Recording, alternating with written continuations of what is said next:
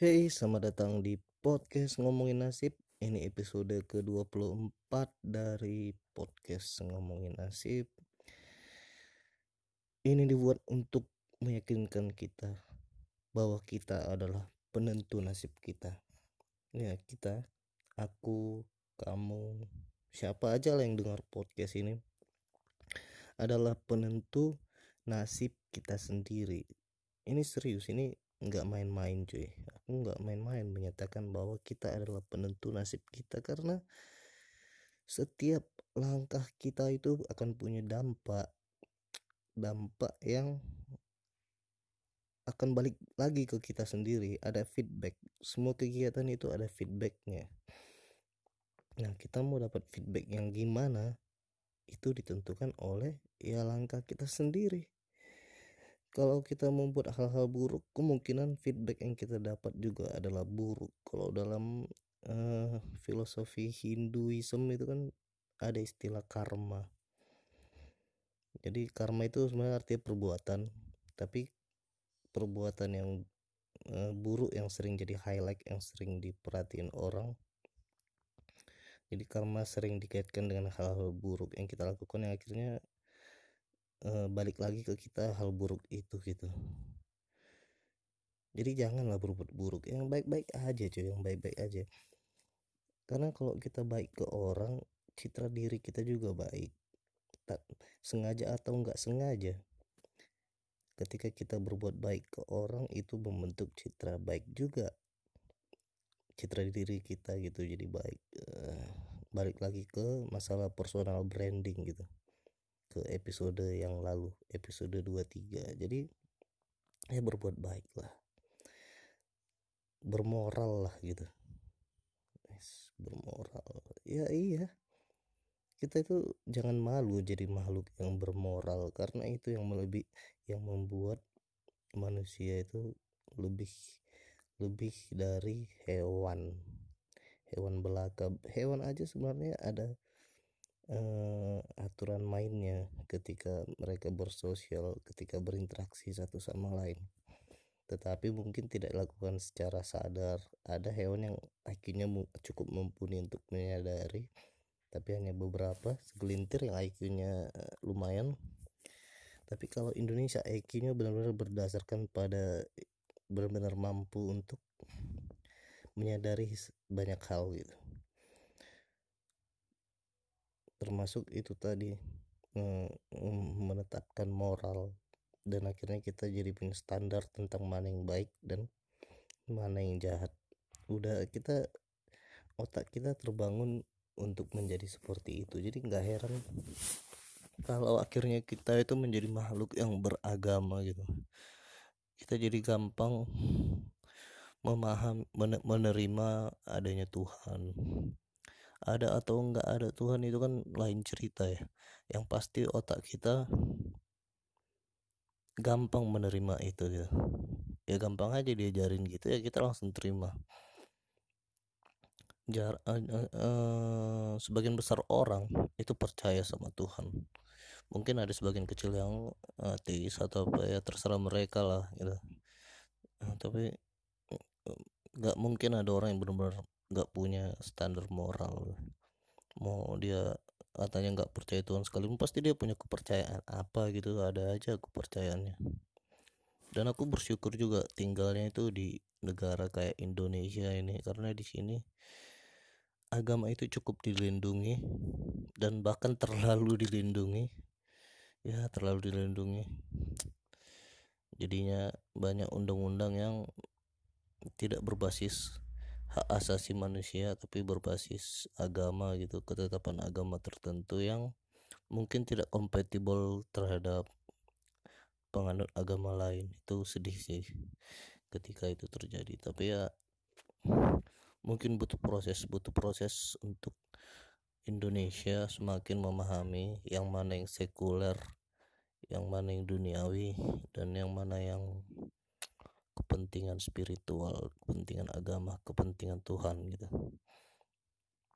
Memang dalam ajaran agama itu ya segalanya ini diciptakan oleh Tuhan benar. Tapi kita harus paham juga negara kita ini kan bukan negara teokrasi bukan negara agama kita ini negara sekuler negara yang didirikan dengan dasar-dasar logis ada logika di semua undang-undang dasar kita itu.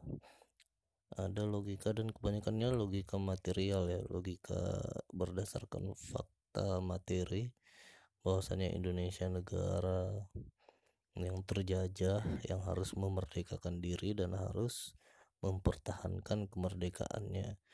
Nah eh, salah satu bentuk kemerdekaan yang diperjuangkan adalah kesejahteraan bersama gitu.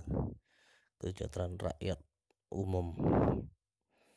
Makanya negara kita itu menguasai banyak aset-aset penting yang terkait dengan publik yang terkait dengan rakyat. Nah harusnya kita kebijakan negara ini berangkatnya itu dari sana gitu loh. Bukan dari eh, ideal-ideal agama tertentu. Walaupun kita itu diwajibkan beragama ya. Ya agama kan punya institusinya sendiri. Kadang kalau ya, negara ini terlalu menyerobot tugas-tugas institusi agama seakan-akan mengesampingkan gitu kehebatan dari institusi agama yang ada di Indonesia. Kan enggak enggak boleh gitu dong. Ada bagiannya masing-masing. Negara yang ngurus apa eh, negara ngurus kesejahteraan rakyat yang real sementara aga, agama diurus oleh institusi agama. Ada kan semua semua agama di Indonesia ini ada institusinya. Biarlah itu yang mengurus agama. Tolonglah negara tolong. Nah, kita ini apa ya?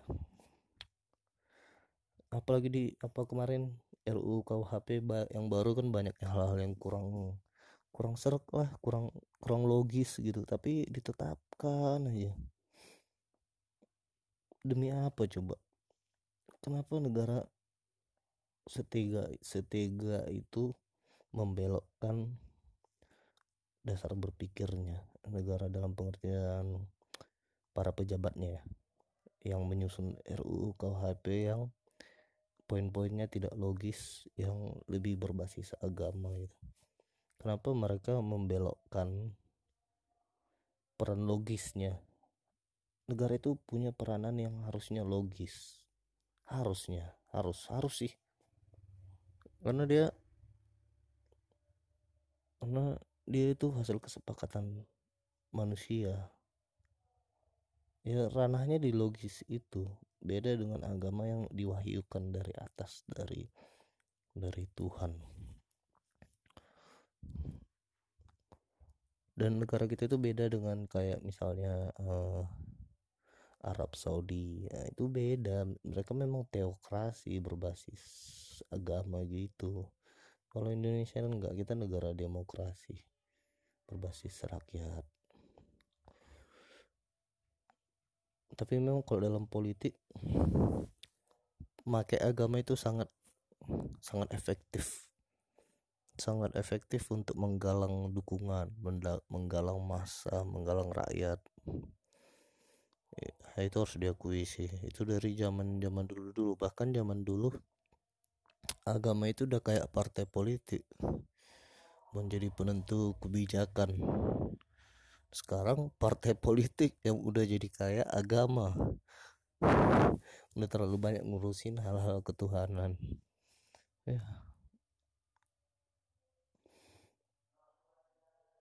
Semestinya bisa lebih upgrade sih. Para politikus harusnya bisa lebih upgrade lebih ilmiah.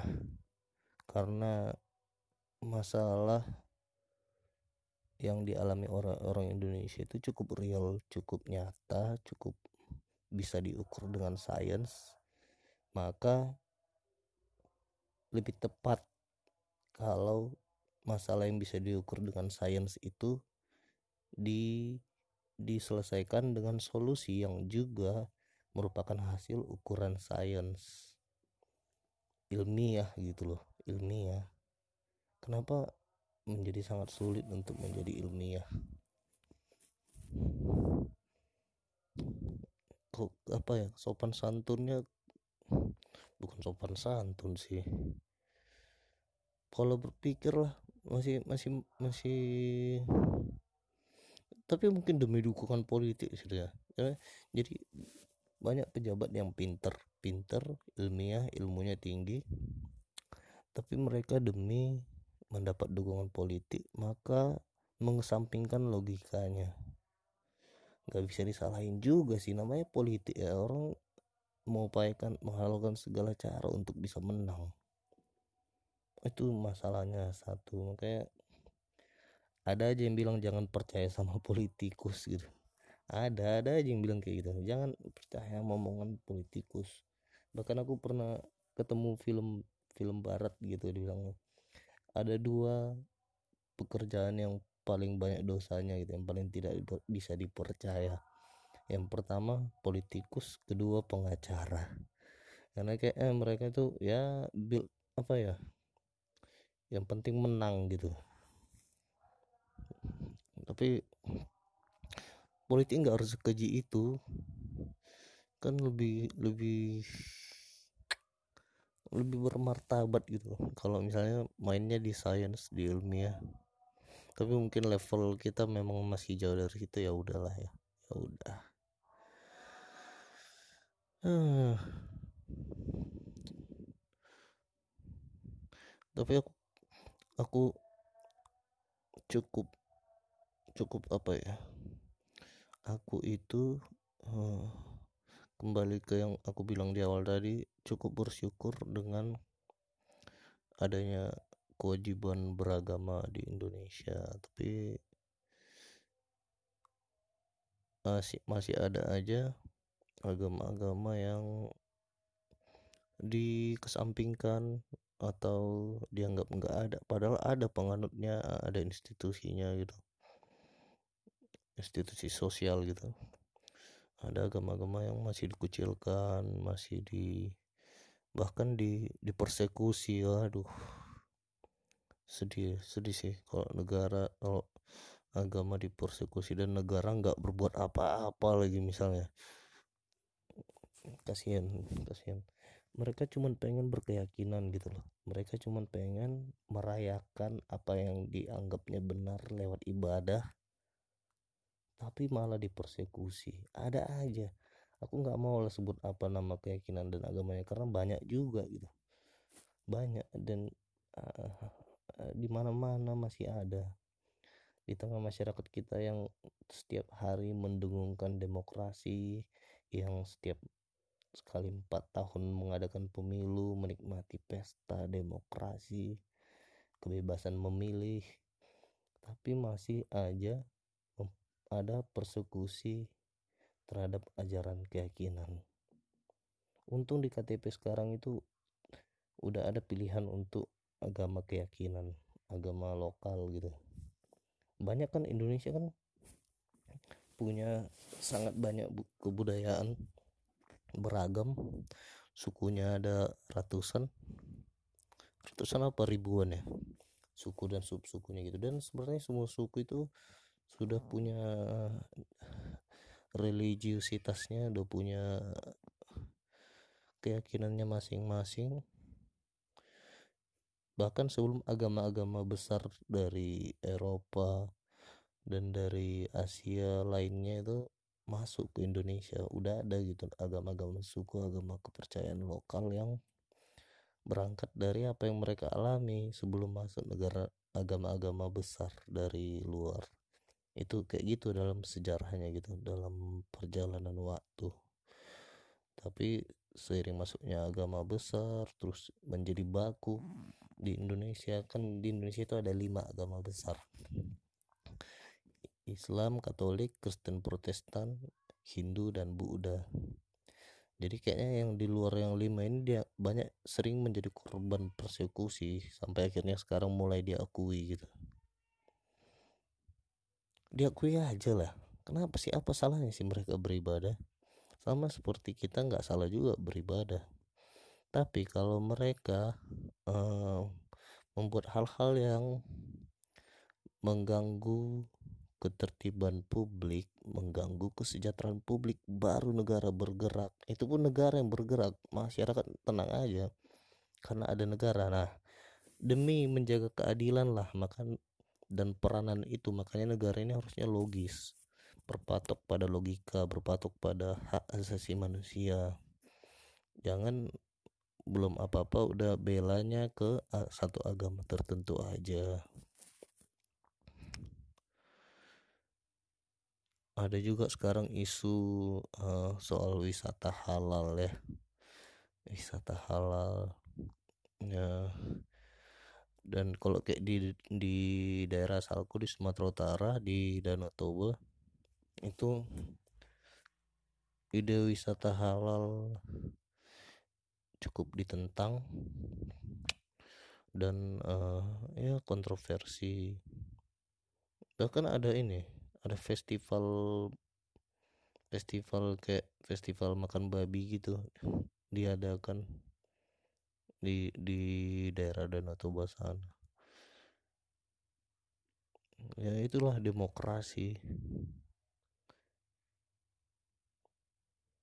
semua punya keyakinan cuy. Semua punya keyakinan. Yang jadi yang menjadi penting adalah ketika kita saling menghormati keyakinan itu dan punya dan mm, dan punya ketetapan bersama yang logis yang bisa membuat kita bisa hidup bersama-sama di negara ini. Kayak logika. Logika itu penting. Logika. Hanya logika yang bisa mempersatukan semua agama kalau semua bawa keyakinan masing-masingnya perang. Kita kan kembali ke zaman abad pertengahan dulu ketika sains belum berkembang. Kalau di Eropa disebut zaman kegelapan dark ages. Karena memang jadinya gelap gitu. Jadinya banyak hak-hak orang yang bukan hak hak hak lah ya hak semua manusia berhak berkeyakinan karena manusia itu makhluk spiritual memang. Jadi hak-hak yang seperti itu banyak yang tidak dihargai.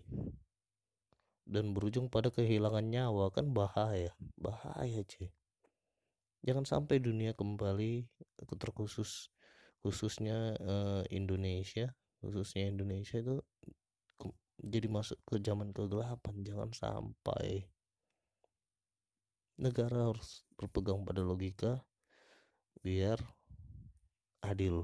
Jadi nggak ada.